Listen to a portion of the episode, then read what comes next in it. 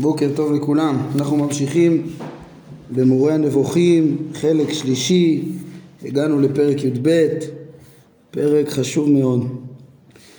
אומר הרמב"ם, רבות עולה בדמיון ההמון מחשבה נמהרת שהרעות, הרעות בעולם רבות מן הטובות, עד שברבות מדרשותיהם ובשיריהם של כל האומות הם כוללים עניין זה ואומרים שלפלא הוא אם יימצא טוב בזמן, בגורל, בעולם, ואילו רעותיו הן רבות ומתמידות. כן, הרמב"ם אומר זה מחשבה נמהרת, זה מחשבה, זה הרהור לא מבוסס ו, וחמור מאוד, של, שהרמב"ם אומר שהוא, ש, שבהרבה משירי הגויים אה, והדרשות של הגויים הוא רואה שהם כוללים את זה שמתלוננים על הרעות שבעולם וטוענים כאילו הרע בעולם יותר מהטוב. ההפך כל מה שהוא רוצה ללמד אותנו פה בפרקים האלה איך שכל המציאות טובה מאוד כמו שהתורה לימדה אותנו. כן הרמב"ם אומר טעות זו אינה של ההמון בלבד. לא רק ההמון טועה בדמיון הזה זה לא רק בדרשות ושירים של המונים אלא גם מי שחושב או טוען שהוא יודע משהו. כן, גם, אה, יש גם אה, הוגים שנחשבים גדולים או שהם חושבים את עצמם או שהם רק טוענים שהם גדולים שטוענים גם כן את הטענה,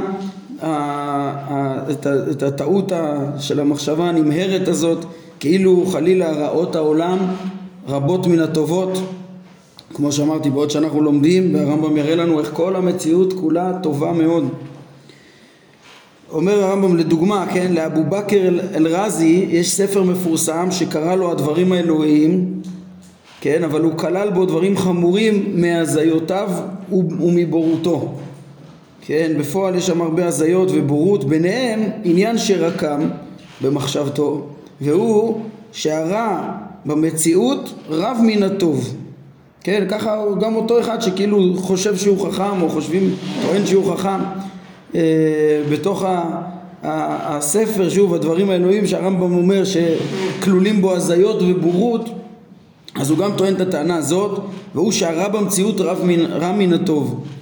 אה, רב מן הטוב, כן? אה, ושאם תשווה בין מנוחת האדם והנאתו במשך מנוחתו לבין הכאבים והאיסורים הקשים והמחלות והנכויות והמולדויות והיגונות והאסונות הפוגעים בו תמצא שמציאותו, כלומר מציאות האדם, היא עונש ורוע גדול המוטל עליו. כן, ככה אותו אלרזי טוען, שהוא בוחן את אה, איזה, כמה, כמה טוב ומנוחה ושלווה ושמחה יש לאדם בחיים, לעומת כמה אה, עיצבונות ואסונות ונכויות ואומללויות וכולי, והוא מגיע למסקנה שהרע אה, במציאות רב מן הטוב.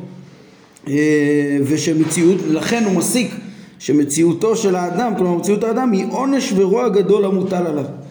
הוא החל לאמת דעה זו על ידי התחקות אחר פגעים אלה, למה, מה, מה המוטיבציה שלו? כדי לצאת נגד אה, כל מה שטוענים אנשי האמת באשר לחסדי האלוה ונדיבותו הברורה והיותו יתעלה הטוב המוחלט ושכל מה שיוצא ממנו טוב מוחלט בלי ספק. כן, כן, הרמב"ם אומר כנגד אנשי האמת שזה הנושא שלנו גם בפרקים האלו לברר את האמת הזאת, להכיר בחסדי האלוה ולהכיר את נדיבותו הברורה והיותו הטוב המוחלט ושכל מה שיוצא ממנו טוב מוחלט בלי ספק שרק טוב יוצא ממנו וטוב מוחלט כנגד זה בא אל רזי לצאת ולטעון מה פתאום? תתבוננו הוא מתבונן במציאות אדם, אדם פרטי, כמו שהרמב"ם מיד ידגיש, ו...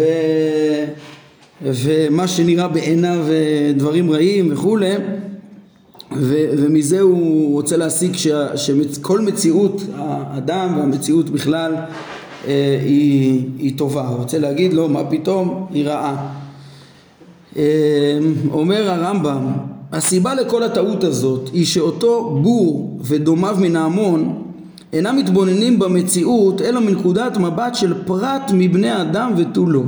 הטעות מתחילה קודם כל שהם בוחנים את המציאות אה, ביחס לפרט אחד ולא סתם ביחס לפרט אחד אלא זה נשמע פה אפילו מנקודת המבט שלו כאילו איך שהוא מסתכל הוא יכול להיות אה, טועה לחלוטין גם אה, במה זה רע ומה זה טוב, כמו שאנחנו נראה בהמשך. אה, יכול להיות שהרבה דברים רעים מאוד, הוא, הוא רוצה אותם כי הוא חושב שהם טובים וטובים לו, אה, והוא בוחן את כל המציאות כאילו הוא התכלית, כאילו הוא בכלל המדד אם המציאות טובה או לא. יכול להיות שהוא חוטא ורשע וטוב שיהיה לו רע, והמציאות כולה תהיה טובה דווקא בגלל שרע לו, כן? סתם אני משנה את הפרספקטיבה. אם נסתכל על כלל מין האדם, או שהרמב"ם הרחיב לנו את הפרספקטיבה לכל המציאות כולה, כולל המלאכים, הזכלים הנבדלים, הגלגלים וכולי, אם אדם מסתכל בצורה אובייקטיבית ובעין פקוחה על המציאות, יראה איך שכולה טובה מאוד. וכל, כן, הטעות אבל של, של אותו אלרזי וגם, וההמון איתו, אז בדרך כלל כל הקושיות על ההשגחה ועל הטוב של המציאות מתחילים מתוך נקודת מבט צרה שהם בוחנים את טובה של המציאות בהתאם למה שקורה איתם ומה שבעיניהם נשפט אה, רע וטוב.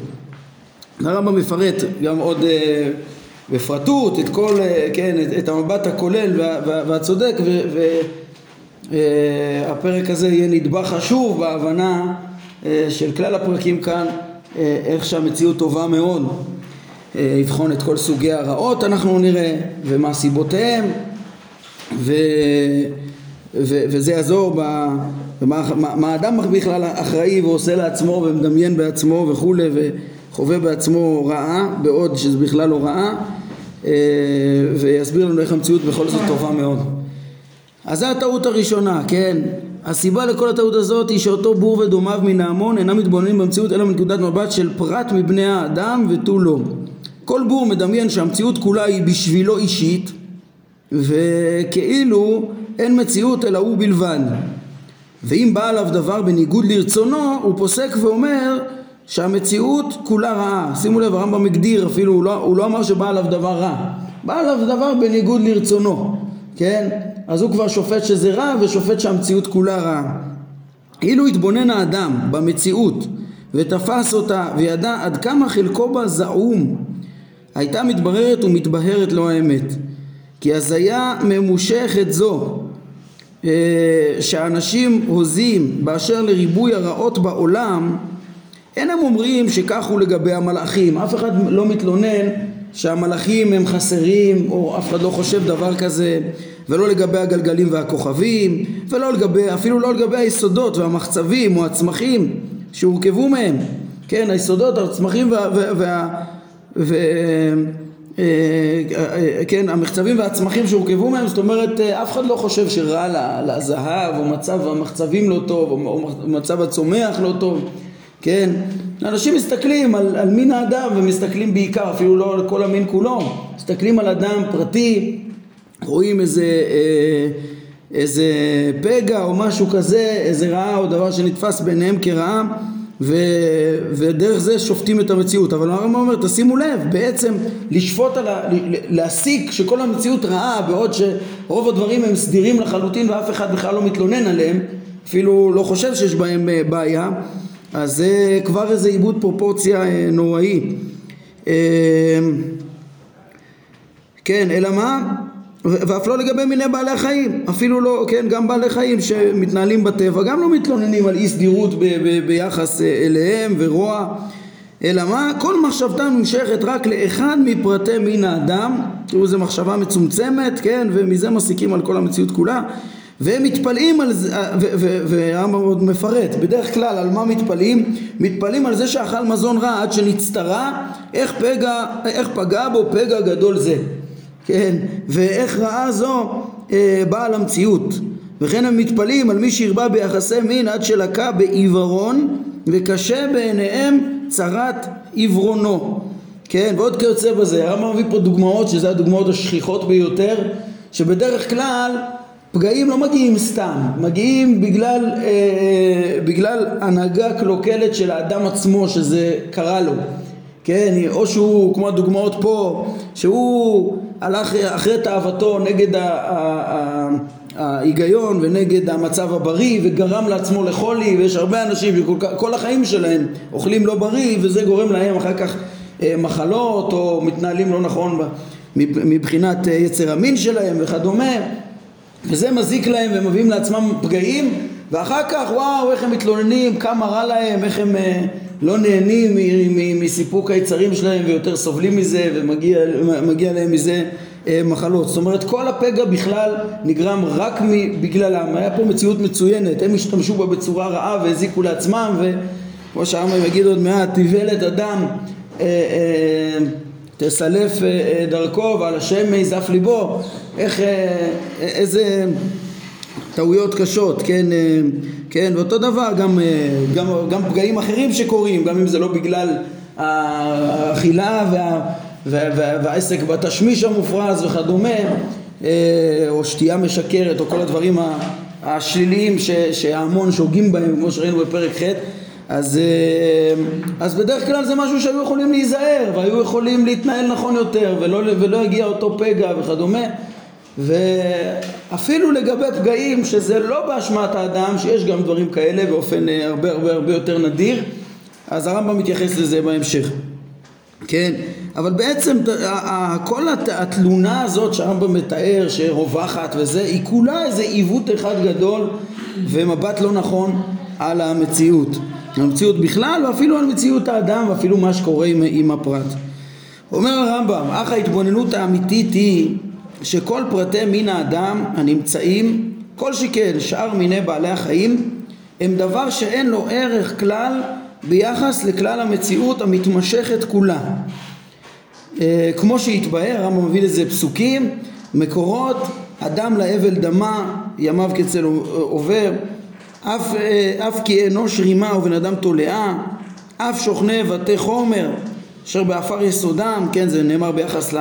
לזחלים ולגלגלים, הרמב"ם יסביר את הפסוק הזה ביותר, כן, אין בעבדיו לא יאמין, אה, ומלאכיו ישים את העולה, אף שוכני בתי חומר אשר בפר יסודם, הרמב"ם מדבר על זה יותר בהרחבה בסוף פרק אה, י"ג. אה, על כל פנים הרמב"ם מביא פה פסוקים לבסס את הטענה שמה אומר לנו פה בתחילת הפסקה. ההתבוננות האמיתית צריכה להבין שמין האדם הוא דבר זעום, אפילו המין כולו, לא רק הפרט, כן?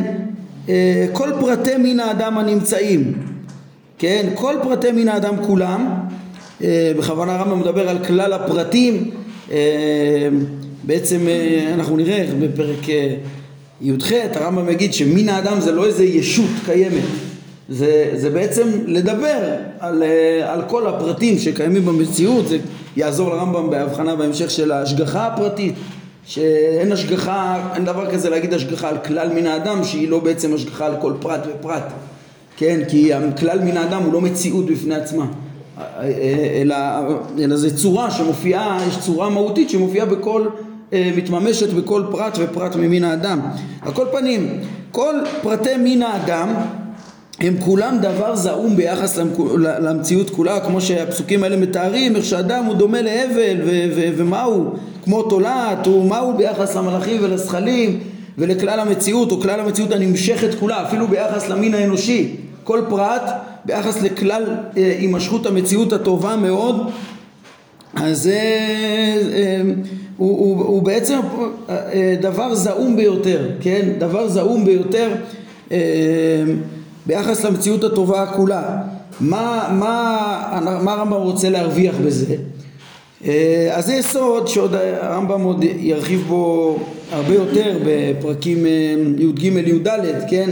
וידגיש אותו ויסביר איך שבעצם האדם הוא לא תכלית והאדם האדם הפרטי הזה שהם מתוך הנקודת מבט שלו והסבל המסוים שנראה בעיניו הם שופטים את כל המציאות כולה הוא בכלל לא מרכז המציאות, הוא לא דבר כל כך משמעותי. אפילו אם באמת יהיה לו רע, זה לא יכול לשפוט על כל המציאות כולה. למשל למה הדבר דומה, כן? אומר פה הפסוק, אף כי אנוש רימה ובן אדם תולעה. אם, אה, אם יש, אה, אם, אם רע, נגיד שיהיה כל המציאות אה, של מין האדם תהיה מסודרת לחלוטין, היא כזאת, נצליח להבין אותה נגיד, מסודרת, נניח, כן? ומסודרת בהתאם לאיך שהיא צריכה להיות מסודרת, כן? יש גם דברים שהם, אה, אנחנו נראה שהם בטבע במקרה וגם זה חלק מהסדר, כן? אבל אה, נניח שכמו שמצפה אותו אדם, לא היה פגם בבני אדם והיה פגם רק בתולעים, זה היה מפריע לו? זה לא מפריע לו, כמו שהרמב"ם אמר בפסקה הקודמת, כן, כשיש דברים מאוד מאוד פחותים, שמראש הם נוצרו בשביל תועלת מאוד מאוד מסוימת ו... והם כאלה שבקושי מתקיימים ו... והקיום שלהם מאוד מאוד חסר. אז בגלל המדרג... המדרגה הנמוכה שלהם גם לא צריך לטפל בהם ולא ול... שייך ולא, ולא מפריע לאף אחד, זה הסדר. מראש הם נמצאים בקצה בקצוות של הקיום של המציאות ועם תועלת מאוד מינימלית וקיום מאוד מינימלי וזה לא מפריע לאף אחד. כן, כמו הרמב"ם אמר, היסודות והמחצבים ובעלי החיים וכל חוקי, חוקי הטבע, אף אחד לא מפריע להם. זה שיש בהם גם מעט פגמים כן, כולם יודעים איך שזה שלם מאוד מאוד ומאוד חוקים מאוד טובים, מאוד מועילים, מופלאים, אי אפשר לעמוד על החוכמה שבהם ובאופן מאוד מאוד נדיר יכול להיות בהם איזשהו פגע או או בעלי חיים מסוימים, אלה נטרפים, אלה זה, אבל סך הכל הכל שלם, כל בעל חיים יש לו את כל מה שהוא צריך בשביל להתקיים, יש לו מה לאכול, יש לו איך לברוח ולהציל את עצמו וכולי, הכל מסודר. זה שכן, יש גם כן אה, פגעים, אבל זה מעט, סך הכל המינים מתקיימים כולם, אחרי כל הפגעים המעטים שיש. אה, לכן ההבנה שמין האדם הוא לא המרכז, הוא לא תכלית הבריאה, כן, בשפה של הפרק הבא, אה, לא הכל נברא בשביל, בשבילו ובטח לא בשביל אחד, בשביל פרט מפרטיו, אז זה בעצם יכול לתת אה, הצדקה אפילו לרעות מסוימות באחוזים המסוימים שקיימים במציאות אה, האנושית. כן, אז גם לדבר הזה הרמב"ם חותר, זה חלק, זה עוד נדבך מהבנת הצדק האלוהי אמ, במציאות וטובה זה גם להבין את המקום המסוים של המין האנושי שממילא גורם ומאפשר את הפגעים המסוימים והרעות המסוימות שיש בו כהבנה צודקת שמתאימה למדרגת מציאותם של אה, אותם בני אדם. אנחנו נלמד בהמשך שברור ש... שגם אה, א', הרמב"ם מלמד איך, איך, איך כן יש השגחה על המין האנושי במדרגות שונות ובהתאם למדרגת האדם וכמה שהוא במדרגת מציאותו ככל שהוא יהיה קרוב יותר להשם בדעתו אז גם יהיה יותר ראוי להשגחה ובאמת יותר תלווה אותו ההשגחה כן ואלה שיותר רחוקים פחות ראויים להגנה מהטבע והם בעצם אה, צודק ש, ש, שהתנהלו במסגרת הטבעית שיש בה אחוזים מאוד מאוד מסוימים של פגעים. כדי להבין למה זה, כן, לא להזדעזע מזה כמו אותם שירים של כל ההמונים שלא מבינים את הנקודה הזאת אז צריך להבין גם את מקומו המסוים מאוד של האדם שזה מה שהרמב"ם מביא לנו פה מהפסוקים והנה עוד פסוק הן גויים כמר מדלי וכשחק מאזניים נחשבו הן איים כדק עיתול אומר הרמב"ם וכל מה שבא בלשונות ספרי הנביאים בעניין הזה הנכבד וגדול התועלת לידיעת האדם את ערכו כן, תכיר את כל הפסוקים האלה כך שלא יטעה אה, ויחשוב שהמציאות היא בגללו בלבד. כן, תראה, הרמב"ם מביא לנו פה ארבע דוגמאות ויש עוד דוגמאות שהנביאים אה, מציינים שאדם יכיר את מקומו המסוים במציאות כדי שלא יטעה וכמה זה יעזור לו כדי להבין באמת את שלמות המציאות אה, אה, והצדק שבה מתוך מבט אה, נכון. אה, אומר הרמב"ם, אלא לדעתנו, כן, לא שבשונה מהדמיון ש, ש, שחושבים שהמציאות כולה נבראה אה, עבור פרט אחד ממין האדם, כל אחד שופט כאילו בשבילו באמת כפשוטו נברא כל העולם, כן, ולא רק איזו הדרכה מוסרית ש, ש, שמדגישה את האחריות שלו, אה, ככה הרמב"ם כנראה מבין את ה... את ה... כן, כל אדם צריך לומר בשבילי נברא העולם, אומרים חז"ל. כן, הרמב"ם מביא בהלכות תשובה, שאדם צריך לראות את העולם, חציו זכאי, חציו חייב, והוא מכריע אותו. זה להדגיש את האחריות המוסרית שבאמת יש לאדם, אבל זה לא שבאמת אה, העולם נברא בשבילו, הרמב"ם מביא פסוקים מלאים שכאילו כביכול אומרים שהעולם נברא בשביל האדם, בפרק הבא, אה, פרק י"ג, ויגיד שזה לא נכון, ש... ויוכיח שזה לא, לא הכוונה, מפסוקים ומן ההיגיון, ויביא אה, הכרח לדברים האלה שאדם הוא לא תכלית הבריאה ובטח לא פרט מימין האנושי אה, אלא צריך להסתכל בפרספקטיבה של התמשכות המציאות כולה. אה, כן אגב הרמב"ם הוא לא יחיד בשיטה הזאת אני אפרט את זה לא עכשיו בהמשך אבל יש איתו את אבן עזרא ואת רבי יהודה הלוי ואת הרמב"ן וראשונים רבים ובעצם בזמן הראשונים זה היה התפיסה המרכזית כל מי שהכיר את מבנה המציאות של, של ישראלים נבדלים וגלגלים איך שתפסו את, את הגלגלים כחיים משכילים וכולי אז לכולם היה פשוט שמעלתם היא למעלה ממעלתנו כן?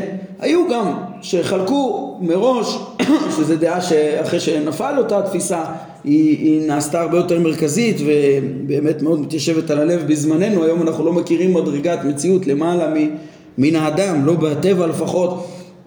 אה, אה, כן, בעצם יש היה רס"ג ככה סבר ו, ו, והאחרונים עסקו בזה הרבה, עבודת הקודש, מהר"ל וכולי, דווקא בזה ש... אה, הוא תכלית כל המציאות כולה, אבל נדבר על זה יותר בהמשך, כן, אצל הראשונים האדם הוא, הוא כן, כל הדיבורים על תכלית המציאות, הכוונה שהוא תכלית המציאות שתחת גלגל הירח, ככה הראשונים כותבים, גם מקובלים, גם הרמב"ן, גם ריהל, דברים אה, אה, שהיו ממש פשוטים בזמנם, רס"ג היה מיוחד שהדגיש את מעלת אה, האדם למעלה אה, מן ה... אה, אה, גם מן הגלגלים ומן השמיים, מן הכל. זה קשור לזה גם שהוא פחות עסק בפילוסופיה האריסטוטלית אה, בצורה רצינית כזאת, הוא לא, ממילא הוא, כן, מי, כל מי שתפס את זה כמציאות, שזה היה רבים מאוד, לא היה להם כאילו בכלל אפשרות לתפוס אחרת שהאדם הוא יהיה למעלה מהגלגלים, זה, זה, הוא מדרגת קיום הרבה הרבה יותר פחותה מכל בחינה. אז זה, כן, אולי נדבר על זה קצת יותר בהמשך. אבל זה בגדול העניין שמה שהרמב"ם אומר פה רציתי להגיד זה דבר מוסכם אה, אצל הראשונים. אה, כמעט לגמרי. אלא לדעתנו אומר הרמב"ם המציאות היא בגלל חפץ בוראה שמן האדם הוא הפחות ביותר בא ביחס למציאות העליונה כלומר הגלגלים והכוכבים. כן הוא אחרי כל הגלגלים והכוכבים אה, האדם. כלל המציאות זה בגלל חפץ בוראה והשכל האנושי הרי הוא, במדר... הוא שכל במדרגה מתחת השכל הפועל. הוא, הוא שכל שהוא בהתחלה בכוח ורק אחר כך יוצא לפועל אה, לעומת כל המדרגות שלמעלה ממנו שהם, שיש להם שכלים בפועל ו, וקיימים בפרט, כל פרט קיים, כל, אה, אה, ולא, ו, ואצל האדם יש רק קיום למין, האדם זה צורה גבוהה שניתנת בחומר בהתחלה וצריכה לצאת אל, הפועל וכל, וכל פרט עובד ורק אילו זכה ו- ו- וידע את השם היה מישראל. כל ישראל יש להם חלק לעולם הבא. אילו השכיל וידע את השם אז נפשו נשארת גם בפרט. אז יש לו אפשרות להישאר בפרט אבל יש גם בני אדם שנחרטים כן, אלו שאין להם חלק, כן, כל כופרי הגויים וכדומה. אה, אז אומר, אומר הרמב"ם, כן, לדעתנו המציאות בגלל חפץ בוראה שמן האדם הוא הפחות ביותר בה ביחס למציאות העליונה כלומר הגלגלים והכוכבים ואילו ביחס למלאכים הרי אין יחס באמת בינו לבינם עוד בין, הגל, בין הגלגלים והכוכבים אליו יש יחס שמצד החומר שלהם יש אה, דמיון, דמיון מסוים. כן גם בזה הרמב"ם יעסוק איזה פער עצום יש בין אה, אנחנו יודעים שזה חומר אחר וגם הגדלים הרמב"ם יעסוק בפרק י"ד ממדי הגלגלים אין ארוך להם בכלל לכללות כל הארץ, כדור הארץ שתחת גלגל הירח. אז לדבר על פרט של אדם, מה זה? אה, אפס שבאפס שבאפס, אפילו ביחס לגרם שלהם, אבל סוף סוף בדבר חומרי יש יחס.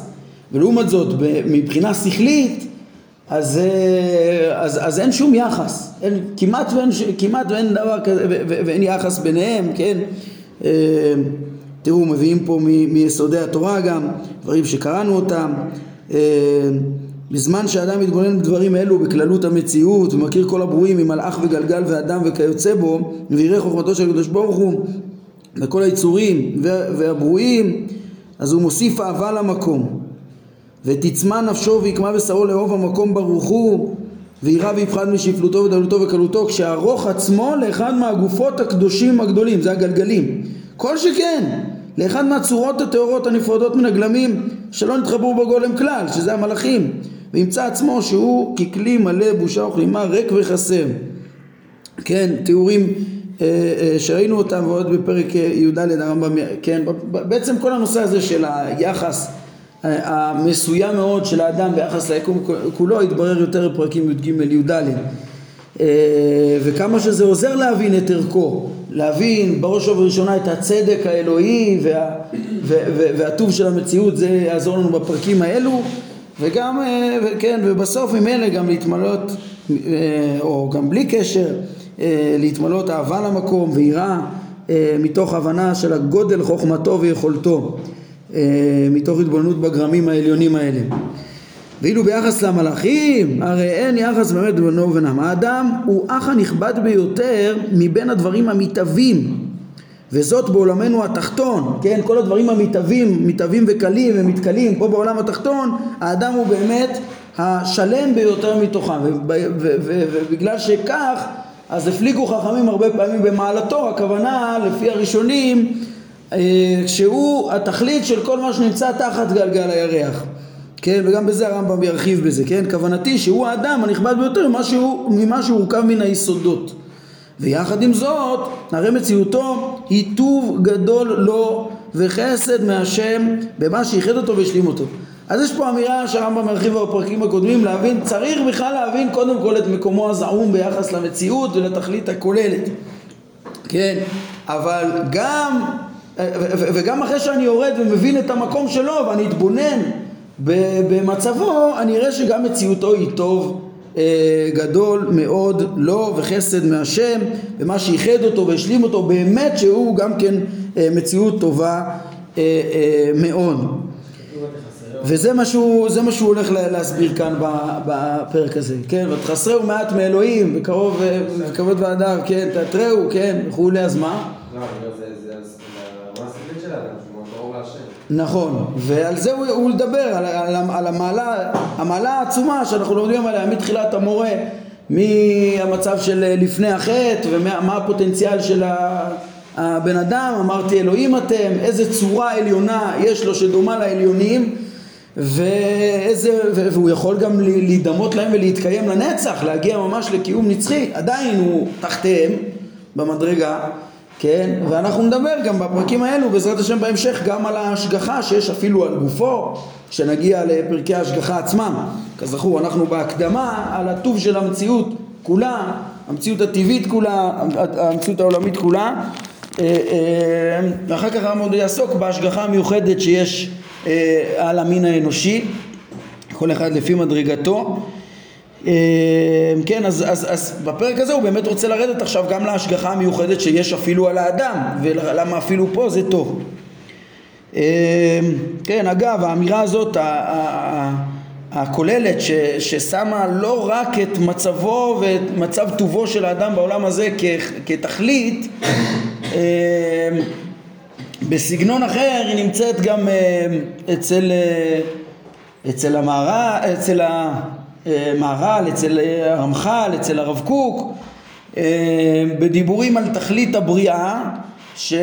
שיש תכליות אלוהיות גם אצל אה, עבודת הקודש, תכליות אלוהיות לבריאה שגם כן מלמדות שלא רק מצבו של האדם זה התכלית, כן? בעצם אה, זו, זו אותה התבוננות עם תשובות קצת אחרות, זאת אומרת איך שאנחנו נעסוק בפרק הבא בעזרת השם בתכלית המציאות והרמב"ם מלמד אה, עובדה עמוקה שאי אפשר לעמוד על הכוונה האלוהית בתכלית המציאות, שזה אגב דבר שיסכימו כולם, גם המקובלים וגם אה, אה, כאלו שעסקו הרבה בלהסביר מהי התכלית האלוהית של המציאות, הודו בדבר הזה שאי אפשר ל, ל, להבין את, ה, אה, את התכלית האלוהית באמת, אבל לפי מה שהוא גילה לנו ולפי התגלותו ולפי ולא כדבר שהוא באמת צריך לו וכולי, דבר שהוא רצה אז, אז אמרו כל מיני תכליות להיטיב לבריאותיו, לגלות את אה, מלכותו, את ממשלתו, את ייחודו,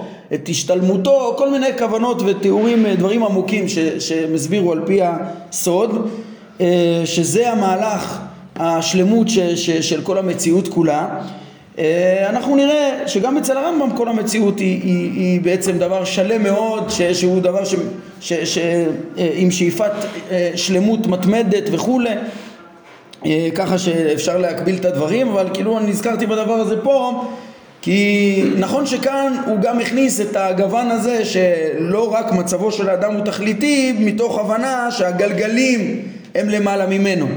אבל עצם הרעיון שמה שעוזר להבין את השלמות של הצדק של ההשגחה זה גם כן להבין שהוא לא, זה לא כל התכלית, שיהיה אה, אה, אוכל טעים ולממש את כל התאוות והצרכים של הבן אדם, לא בשביל זה נברא העולם, אה, זה דבר פשוט אה, והבחנה יסודית שעוזרת להבין את צדק ההשגחה כשמתבוננים בתכלית הכוללת של המציאות ולא רק בפרט. נקרא אולי רק עוד את פסקה חמש, אני רואה שאנחנו בסוף הזמן, אומר הרמב"ם רוב הרעות המגיעות לפרטיו. כן, לפרט המין האנושי הן מהם, זה בכלל מהאדם עצמו, כלומר פרטי בני האדם הפגומים ומפגמנו אנו צועקים וקוראים לעזרה, כן, מה שלא שייך לחלוטין, אומר הרמב"ם, זה להאשים את השם בפגמים שאנחנו גורמים לעצמנו וכמו הדוגמאות שהרמב"ם מביא קודם לאנשים ש, שהנהגתם הקלוקלת מביאה אותם לפגמים שלהם. ו, ו, ואנשים, הרמב"ם אפילו מכליל את עצמו פה, מפגמנו כולנו כולנו מהפגמים, על הפגמים שאנחנו גורמים לעצמנו אנחנו צועקים על השם שלא בצדק ומן הרעות שאנחנו עושים בעצמנו בבחירתנו שלא השם עשה. זה רוב הרעות שקיימות בעולם וזה רוב מה שאנשים צועקים ו, וצועקים על ההשגחה האלוקית כאילו המציאות לא טובה. מתוך דברים שהם עושים, מתוך זה אנחנו מתייסרים, אנחנו גורמים לעצמנו את רוב הרעות ומייחסים זאת להשם שלא בצדק, אך חלילה לא מכך.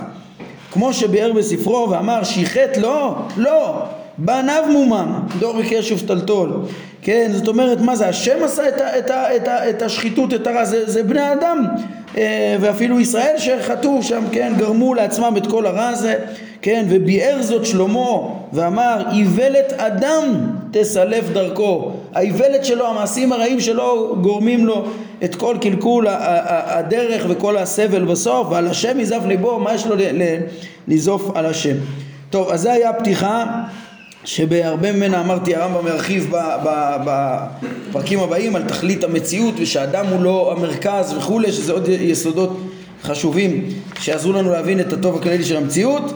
ובפעם הבאה הרמב"ם ממש יפרט ויגש יותר לעניין ויראה איך שרוב הרעות מבני אדם מתייחס אבל לא רק לאלו שמבני אדם גם לאלה ש, שקיימות כאילו בטבע מצד הכרח החומר ונעמיק בזה יותר ממה שפגשנו את זה בעזרת השם בפרקים הקודמים אז uh, כל זה יהיה בעזרת השם בפעמים הבאות. אנחנו נעצור כאן להיום.